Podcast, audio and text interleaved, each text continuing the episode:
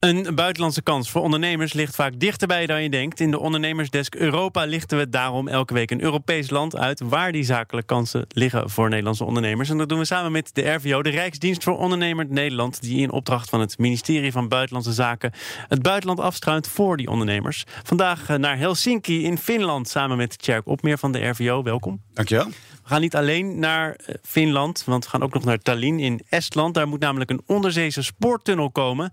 dat is de langste onderzeese spoortunnel. Het zijn volgens mij drie tunnelbuizen om helemaal volledig te zijn. Klopt. En daar kunnen Nederlandse ondernemers iets aan bijdragen. Ja, absoluut. Ja, nee, eh, precies tussen, tussen Helsinki en Tallinn wordt een uh, hele grote tunnel, uh, spoortunnel gebouwd.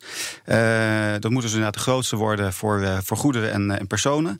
Met vier stations. En er worden ook een aantal kunstmatige eilanden bijgebouwd... die helemaal zelfvoorzienend moeten zijn.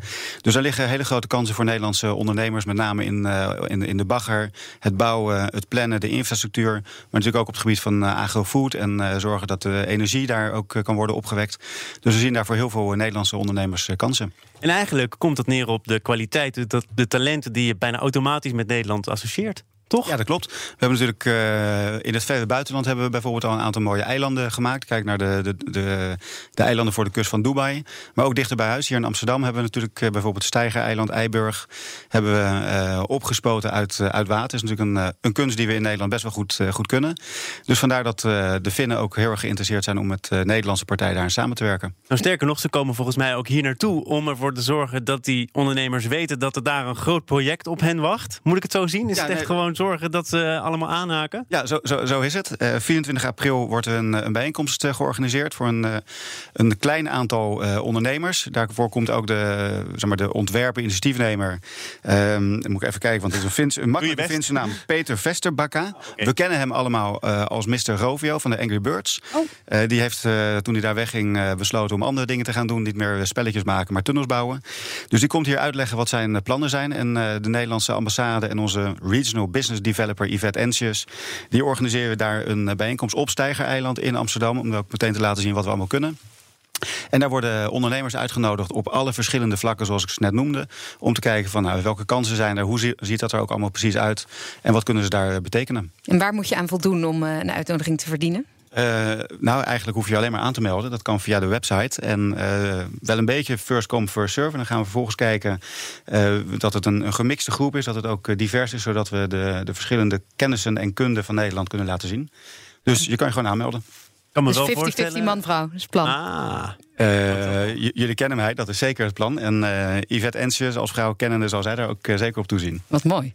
Dan, als je daar eenmaal bent en je bent uitverkoren... je kunt er iets gaan bijdragen aan dat project in Finland... moet je nog ergens rekening mee houden? Het zijn een beetje zwijgzame types over het algemeen, begrijp ik. Ja, dat, ja de, de Finnen zijn wat, wat minder spraakzaam dan bijvoorbeeld hun Zweedse, Zweedse buur. Er gaat zelfs een gezegde dat een man heel erg veel van zijn vrouw hield... en hij het bijna ook tegen haar zei. um, maar dus daar, daar, moet je naar de week mee houden. Dat is niet iets van uh, onaangenaamheid, maar gewoon ze zijn wat minder spraakzaam. Dus de stilte in het gesprek wil nog niet meteen zeggen dat je uit de gratie bent geraakt? Nee, gewoon even wachten, dan gaat die, ga je gewoon verder. En wat natuurlijk heel uh, opvallend is in, uh, in Finland, wat voor ons, ons Nederlanders natuurlijk altijd een beetje ja, ongemakkelijk voelt, is de sauna. Daar worden in de sauna ook gewoon zakelijk allemaal deals gesloten en dingen, nou niet dingen gedaan, maar men komt daar bij elkaar ook na meetings, et cetera. Zoals ook bijvoorbeeld bij Slush, groot start-up festival. Daar is ook gewoon een sauna en daar worden deals gesloten. Dus kijk daar ook helemaal niet raar van op op het moment dat ze je uitnodigen om in de sauna verder te praten. Dat zijn de verschillen. Ik, ik begrijp overigens wel dat wij daar in die noordelijke landen gezien worden als min of meer gelijkgestemde mensen die ook makkelijk zaken kunnen doen. Ja, ja Finnen zijn uh, net als Nederlanders ook vaak behoorlijk direct. Dus ze zullen er geen doekers om winden als ze iets niet goed vinden of als ze het wel goed vinden. Uh, en verder zijn we ook uh, mensen die behoorlijk op elkaar lijken en het redelijk snel met elkaar kunnen vinden, zolang je zelf dan af en toe het gesprek ook gaande houdt. Dan nog heel even naar die informatiebijeenkomst. Want je zei, uh, als je het eerst komt, uh, wie het eerst komt, wie het eerst maalt. Het zijn 25 plekken. Het is een enorm project. Kilometers lange tunnel, de langste ter wereld. Betekent dat ook vooral dat er hele grote bedrijven zich willen melden? Of als je wat kleiner bent, Doe je best. Groot en klein allemaal, omdat het uiteindelijk zullen het allemaal projecten groter en kleiner ook moeten worden opgeknipt. Daar consortia gevormd worden. Dus er zijn zowel grote als kleine bedrijven in welkom om ook te laten zien wat je kan. En vervolgens gaat gekeken worden van als we daar voldoende interesse hebben en we zien echt potentie, gaan we ook ter plekke in uh, de regio daar ook nog vervolgactiviteiten uh, ontplooien. Dus, uh, dus iedereen kan zich daar, daarvoor aanmelden. Check hebben. Oh. oh. kan ik er nog eens Eén, dat gaat ten koste van Ben, maar die vindt Oh, nee. het Dat maakt niks uit. Echt waar? Nou, ik Ja, was zo benieuwd of Nederland ook een rol heeft gespeeld in de bouw van de tunnel tussen Calais en Folkestone.